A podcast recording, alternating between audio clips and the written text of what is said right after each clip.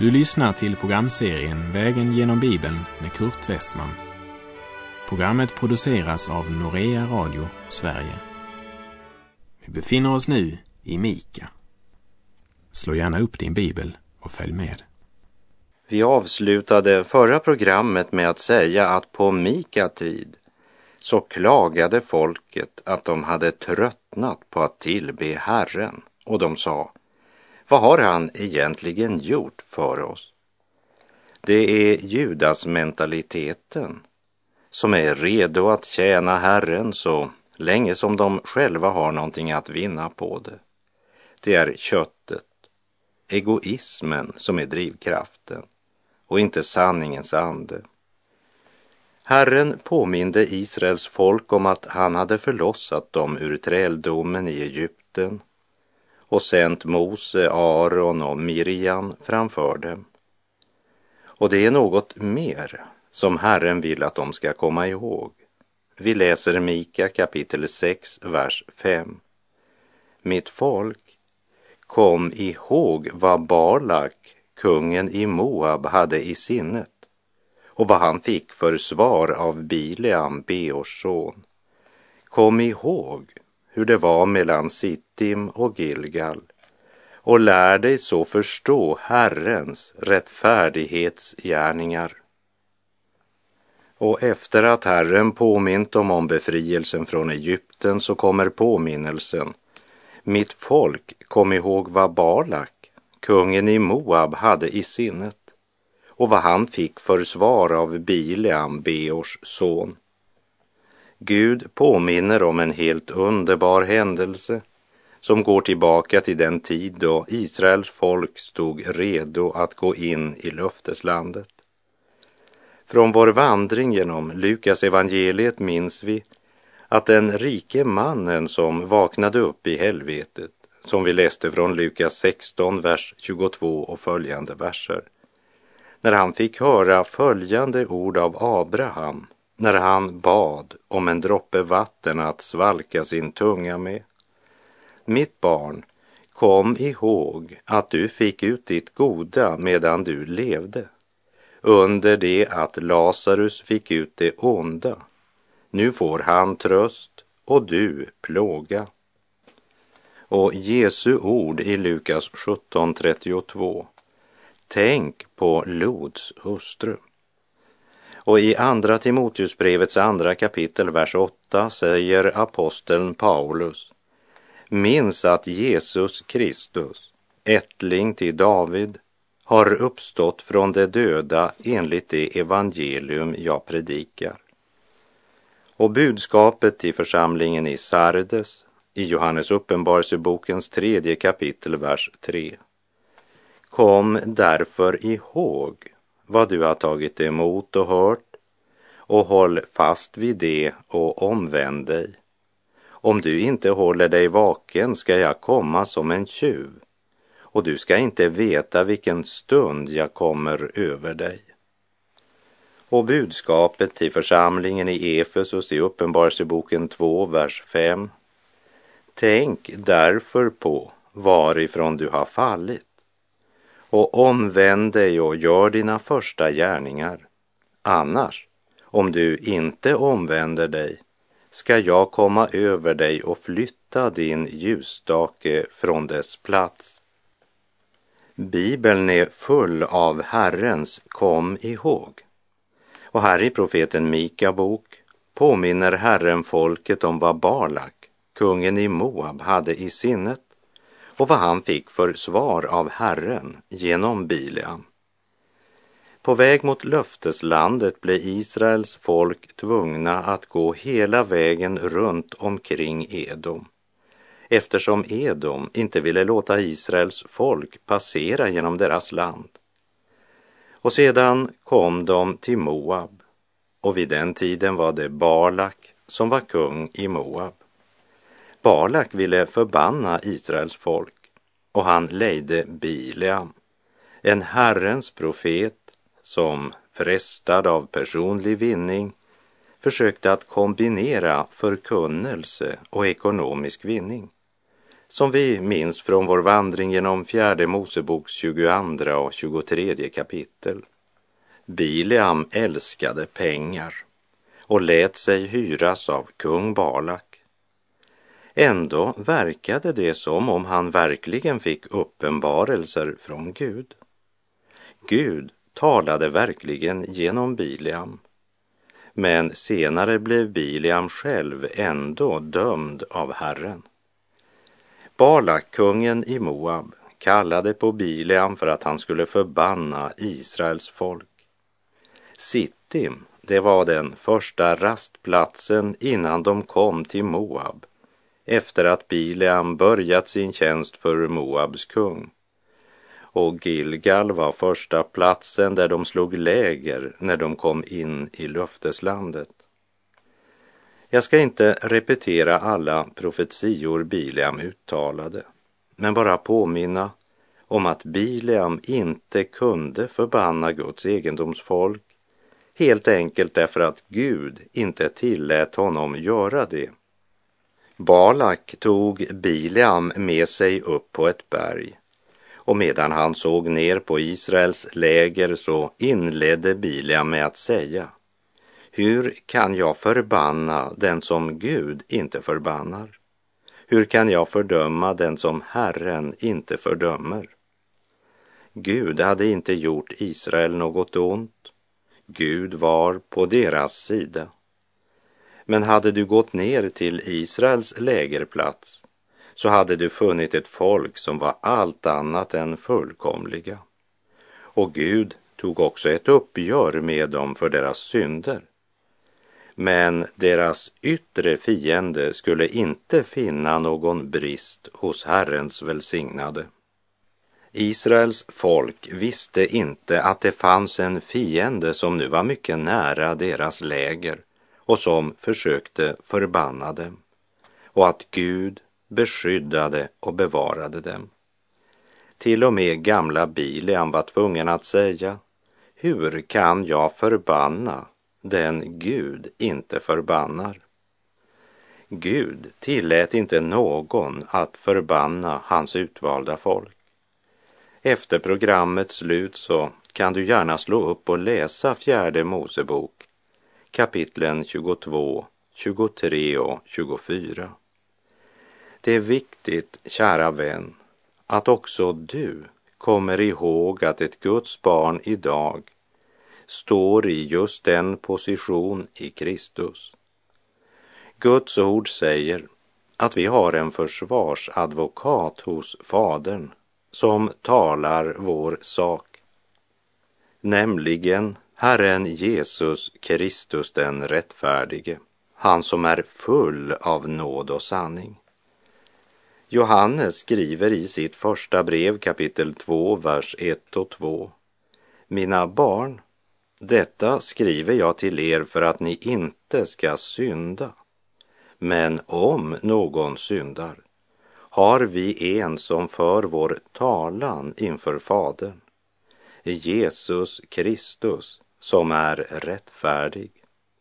Han är försoningen för våra synder och inte bara för våra utan också för hela världen.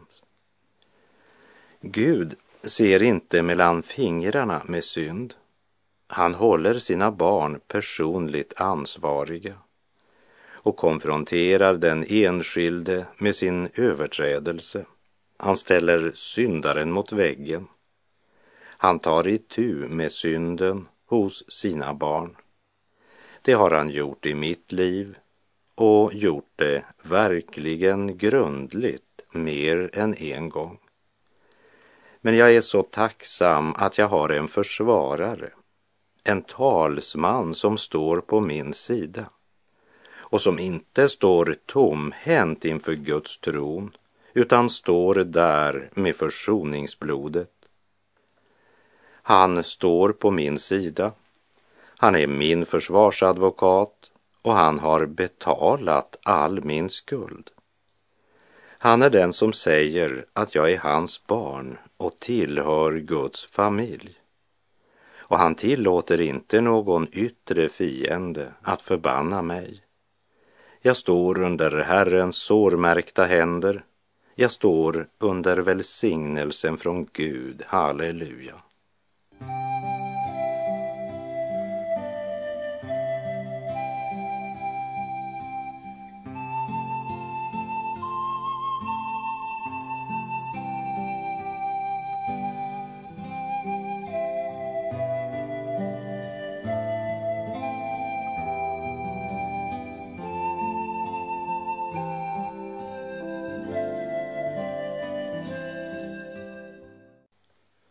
Mitt folk, kom ihåg vad Balak, kungen i Moab, hade i sinnet och vad han fick försvar av Bileam, Beors son.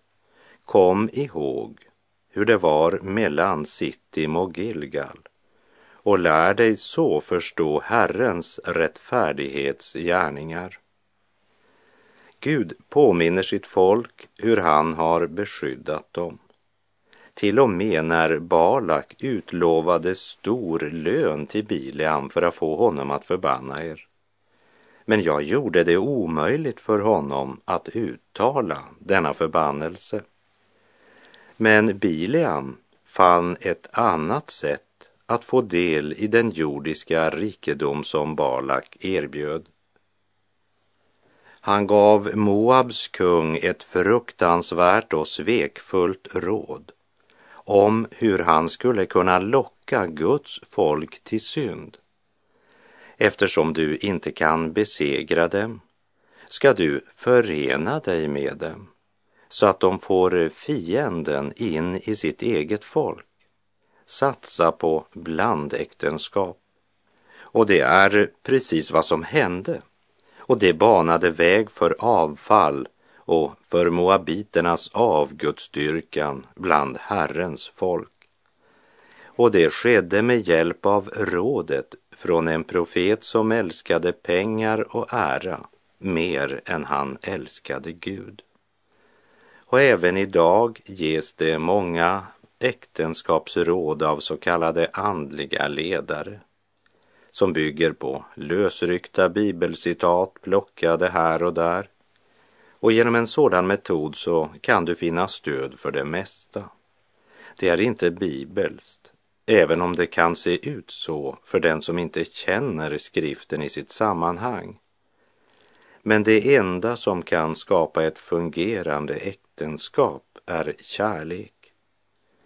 Om ni båda lever med Gud och vandrar i ljuset om du kan se henne i ögonen och säga Jag älskar dig. Och då tänker jag inte bara på den yttre attraktionen men på personligheten, vilja och hållningar. Och om hon kan se dig i ögonen och säga detsamma så kommer Guds ord och Guds helige ande att ge er allt vad ni behöver för att lösa era problem och genomrida vardagens stormar. Gud påminner Israel om att han är en rättfärdig Gud. Samtidigt påminner han dem om att han i sin nåd beskyddade dem från deras fiende som önskade förbanna dem. Och han påminner om vad som skedde medan de befann sig mellan Sittim och Gilgal. Låt mig citera från fjärde Mosebok 25, vers 1 och 2. Medan Israel uppehöll sig i Sittim började folket bedriva otukt med Moabs döttrar. Dessa inbjöd folket till sina gudars offermåltider och folket åt och tillbad deras gudar. Ser du vad som sker Bileam kunde inte förbanna Israel, men han kunde lära Moabs kung vad han skulle göra för att förleda Israels folk till en kompromiss. Moabs folk skulle infiltrera, beblanda sig med Israels barn, ingå blandäktenskap och göra dem mindre främmande för avgudsdyrkan förslöa deras samveten och leda dem till religionsblandning det vill säga fortsätta sina egna gudstjänster, fortsätta att tala om Herren, men inte vara så noga med det han hade sagt. Och när kunskapen om Gud väl hade fördunklats var det sedan inte svårt att vända deras hjärtan bort från Israels Gud. Nej, var inte så gammalmodiga, sa man. Ni ska inte vara så trångsynta. Moabs folk hävdade att de var så toleranta och vidsynta och de inbjöd Israels barn att ta del i deras gemenskap. Ja, de var mycket öppnare än till och med de ansvariga i tabernaklet. Men de var aldrig med i tillbedjan av den ende sanne Gud. Israel behövde inte överge sin gudsstyrkan, bara kompromissa en aning och också ta del i Moabs gemenskap. Ni ska väl inte isolera er, sa man. Nu påminner Gud dem om denna händelse. Kom ihåg hur det var mellan Sittim och Gilgal och lär dig så förstå Herrens rättfärdighetsgärningar. I slutet av vers 2 i Mika kapitel 4 hade Mika förkunnat Ty undervisningen skall gå ut från Sion, Herrens ord från Jerusalem. Men vilken Herres ord? Mellan Sittim och Gilgal blandades tron på Gud med Moabs avgudar. En rik religiös aktivitet där folk tröstades i sin synd samtidigt som man talade i Herrens namn och bar fram offer. Och med alla dessa rikliga offer och så mycket en religiös verksamhet måste väl Gud vara mer än nöjd. De hängav sig ju med liv och lust till det religiösa livet. Men sanningen var att synden hade förblindat deras sinnen och deras liv präglades nog mera av lust än av liv. Guds fruktan blev borta.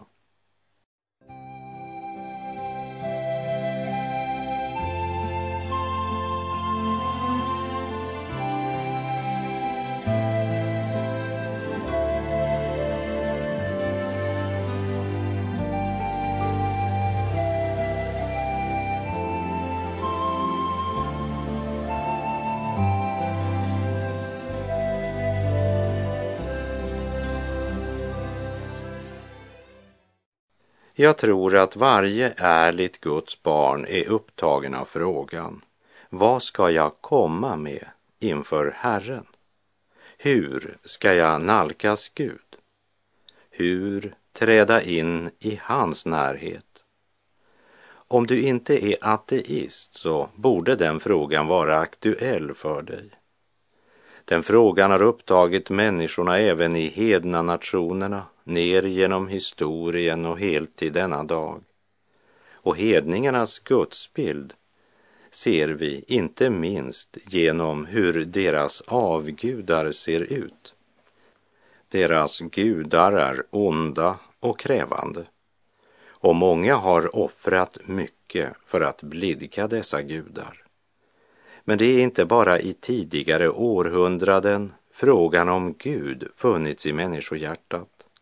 Också i vårt så kallade upplysta och sofistikerade land bär många hedningar på denna fråga. Så frågan i Mika 6, vers 6, den är inte mindre aktuell idag än på Mika-tid. Med vad ska jag komma inför Herren? Och med vad ska jag böja mig för Gud i höjden? Skall jag träda fram inför honom med brännoffer, med årsgamla kalvar? Kort sagt, vad ska jag göra när Gud inte är nöjd med mig? Kanske är det människans behov av att bidra med något som har hållit alla dessa olika religiösa ritual och ceremonier vid liv genom årtusenden också efter att det fullkomliga offret skett. Hur ska jag tillbe? Hur ska jag tala med Gud? Hur ska jag behaga honom? Och hur ska jag bli frälst? Hur ska jag bli frälst är ju en viktig och bra fråga. Men lägg märke till här i vers 6 att direkt efter frågan så har människan ett förslag som är formulerat som en fråga. Skall jag träda fram inför honom med brännoffer? Gud hade ju befallt dem att bära fram offer som vi minns från vår vandring genom tredje Mosebok. Fem offer som de skulle bära fram, som skulle vara deras väg att nalkas Herren, Israels Gud. Och nu frågar de, är det nog att genomföra denna ordning? Människans tankegång verkar alltid samla sig omkring en enda sak. Jag måste göra något för Gud. Och det är väl sannolikt den hållningen som mer än något annat avslöjar människans stolta hjärta. Vi vill göra något för Gud.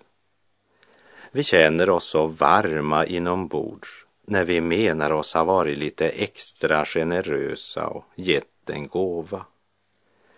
Det som inte blivit födda från ovan genom Guds ord och Guds helige ande säger Jag går i kyrkan. Ja, ja, jag är faktiskt medlem i församlingen.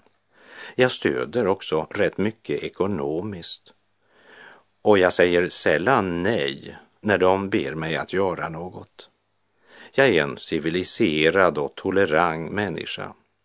Jag går inte runt och slår folk i huvudet.